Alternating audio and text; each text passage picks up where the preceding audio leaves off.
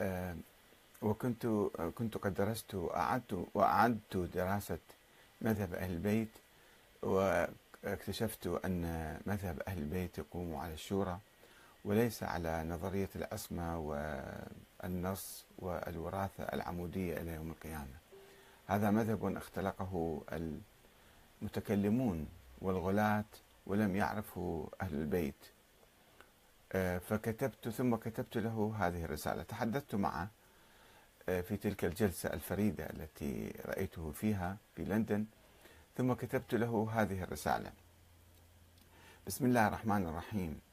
حضرة الأستاذ الكريم الدكتور محمد التيجاني السماوي المحترم. السلام عليكم ورحمة الله وبركاته. ودمتم في خدمة الإسلام والمسلمين.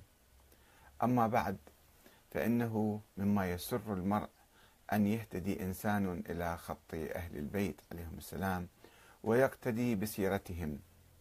وأعتقد أن تجربتك في البحث عن الحقيقة والتفتيش عن مذهب أهل البيت تحمل في طياتها علائم الشجاعة والإيمان والإخلاص والصبر والتضحية.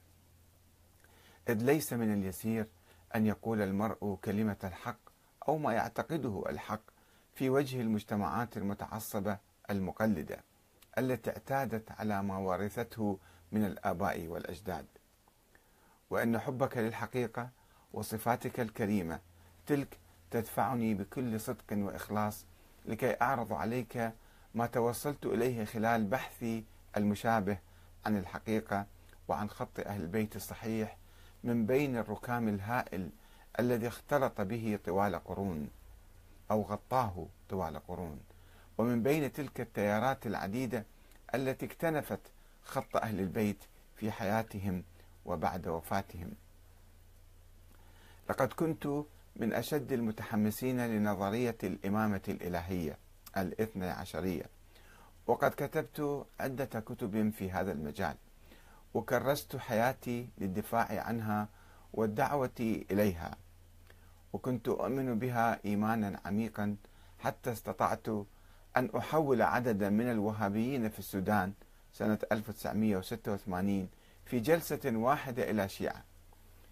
ولكن بعد تعمقي في دراسة التاريخ الشيعي ونظرية الإمامة الإلهية لأهل البيت بصورة شاملة لجميع أركان النظرية وتفاصيلها الدقيقة أدركت أنها مرت في عدة مراحل من التطور.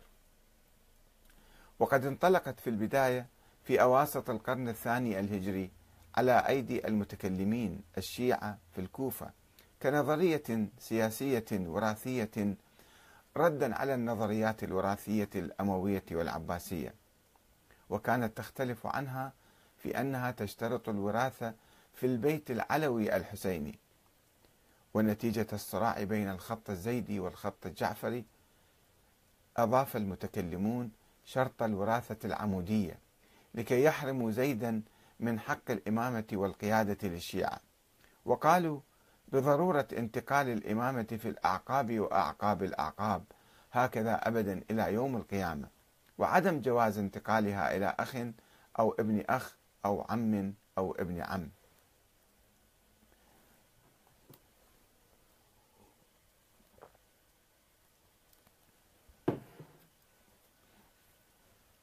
وقد أدى هذا التشدد في قانون وراثة الإمامة إلى عدة أزمات في تاريخ الشيعة الإمامية.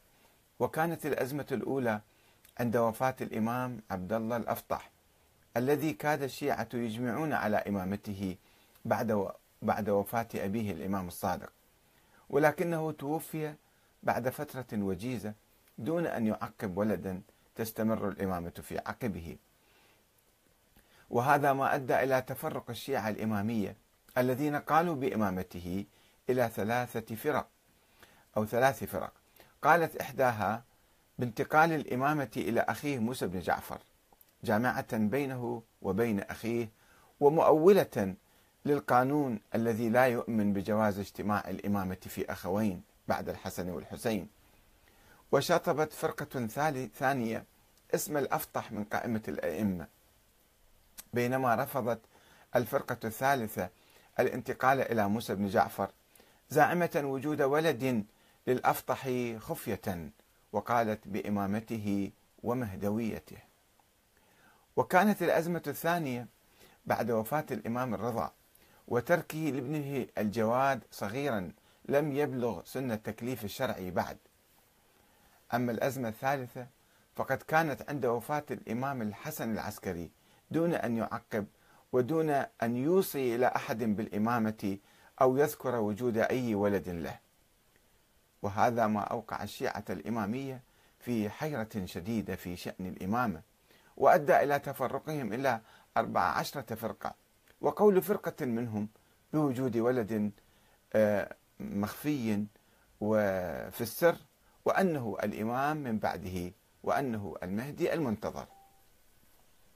وقد دفعت الأزمة الشيعة إلى تساؤل. إذا كان واجبا على الله أن ينصب الإمام المعصوم ويحرم على الأمة اختيار الإمام بالشورى وكان الإمام فعلا موجودا فلماذا يغيب تلك الغيبة الطويلة ويترك شيعته والمسلمين حيارى بلا راع؟ ولماذا ينجح المهدي الفاطمي الإسماعيلي في تأسيس الدولة الفاطمية في شمال أفريقيا وينجح الزيدية في اليمن ولا يخرج المهدي ابن الحسن العسكري. ولذلك فقد تراجع معظم الذين آمنوا بوجود ابن الحسن في البداية وانتقل بعضهم إلى المذهب الإسماعيلي أو الزيدي أو تراجع عن نظرية الإمام الإلهية بالمرة. وبالرغم من مرور عقود من الزمن على الإيمان بوجود ابن الحسن فإن الإمامية القطعية لم يكونوا يعرفون النظرية الاثنى عشرية حيث كانوا لا يزالون يؤمنون باستمرار الإمامة في أعقابه إلى يوم القيامة. ويمكن ملاحظة ذلك لدى الشيخ الصدوق الذي توفي في أواخر القرن الرابع الهجري سنة 381 وعندما طالت المدة ولم يظهر المهدي المفترض نشأت فرقة واقفية جديدة في صفوف الإمامية وقالت بحصر الأئمة في 12 إماما وأن الدنيا ستنتهي مع نهاية الثاني عشر. واستعارت حديثا ضعيفا من أحاديث الآحاد المغمورة عند العامة ثم ألفت مجموعة من الأحاديث المزورة ونسبتها إلى الرسول الأعظم صلى الله عليه وآله أو الأئمة السابقين من أهل البيت وادعت وجود قائمة مسبقة بأسماء الأئمة الاثني عشر منذ عهد رسول الله كما قال بعضهم بأن الأئمة ثلاثة عشر. وروى بذلك أحاديث عن رسول الله صلى الله عليه وآله راجع الكافي وكتاب سليم بن قيس الهلالي. لقد كانت نظرية الإمامة الإلهية في البداية موازية لنظرية الشورى وكلتاهما ممتدتان إلى يوم القيامة. ولم تكن إحداهما تقبل التحديد والتقييد في عدد من الخلفاء أو فترة من الزمن. ولكن غياب الإمام الثاني عشر المفترض الذي لم يولد قط هو الذي دفع الإمامية إلى اختصار نظريتهم وتطويرها وإنهائها عند الرقم 12 وقام مجموعة من الرواة الضعاف والكذابين والوضاعين حسب علم الرجال الشيعي الذي يعترف بكذبهم ويؤكد أنهم كانوا وضاعين بوضع عشرات الروايات المزورة على لسان رسول الله صلى الله عليه وآله. تتحدث عن القائمة المسبقة بأسماء الأئمة الاثني عشر واحدا واحدا. ولو راجع أي أحد التاريخ الشيعي وتاريخ أهل البيت عليهم السلام وأحاديثهم الصحيحة وقام بتمحيص الروايات على ضوء علم الرجال الشيعي الكشي والنجاشي وابن الغضائري والطوسي والحلي. لوجد أن تلك الروايات عارية عن الصحة وضعيفة جدا ولا يوجد بينها رواية واحدة صحيحة. ولو مر على قصة البداء في تعريف الأئمة السابقين لخلفائهم اللاحقين وما يلحق ذلك من تبدل وتغيير بعد موت بعضهم في حياة آبائهم كإسماعيل الذي توفي في حياة جعفر الصادق ومحمد الذي توفي في حياة علي الهادي. لأدرك عدم صحة وجود هكذا قائمة مسبقة. كيف نجمع بين القائمة المسبقة وبين حدوث البداء وتغير أسماء الأئمة؟ ولو اطلع على أدلة القائلين بوجود الإمام الثاني عشر لأدرك تهافتها وعجزها عن إثبات وجود أو ولادة محمد بن الحسن العسكري. وهذا ما ينسف النظرية الاثني عشرية من الأساس فضلا عن أنه يلقي بظلال من الشك على نظرية الإمامة الإلهية أيضا. وذلك لانقطاعها عمليا وعدم استمرارها تاريخيا وإفساح ذلك للمجال أمام نظرية الشورى التي كان يؤمن بها أهل البيت ويؤيدها القرآن الكريم ويقول بها العقل السليم. وقد كانت حصيلة ذلك البحث التاريخي والعقائدي في نظرية الإمامة الإلهية هو كتاب تطور الفكر السياسي الشيعي من الشورى إلى ولاية الفقيه الذي يتألف من الكتب التالية. واحد نظرية الإمامة الإلهية لأهل البيت عند الشيعة الإمامية الاثنى عشرية. وقد استعرضت فيه جميع أدلة النظرية وناقشتها ورددت عليها على ضوء أحاديث أهل البيت الموجودة في تراث الاثنى عشرية اثنان النظرية المهدوية عند الشيعة الإمامية الاثنى عشرية وقد استعرضت فيه أيضا جميع أدلة القائلين بوجود المهدي محمد بن الحسن العسكري الفلسفية والتاريخية والروائية وغيرها كالإعجاز والإجماع وما شابه. وناقشتها ورددتها وأثبتت أنها ليست سوى فرضية وهمية اجتهادية. ابتدعها فريق من المتكلمين الذين وصلوا إلى طريق مسدود بعد وفاة الإمام العسكري دون أن يخلف ولدا ودون أن يوصي إلى أحد بالإمامة.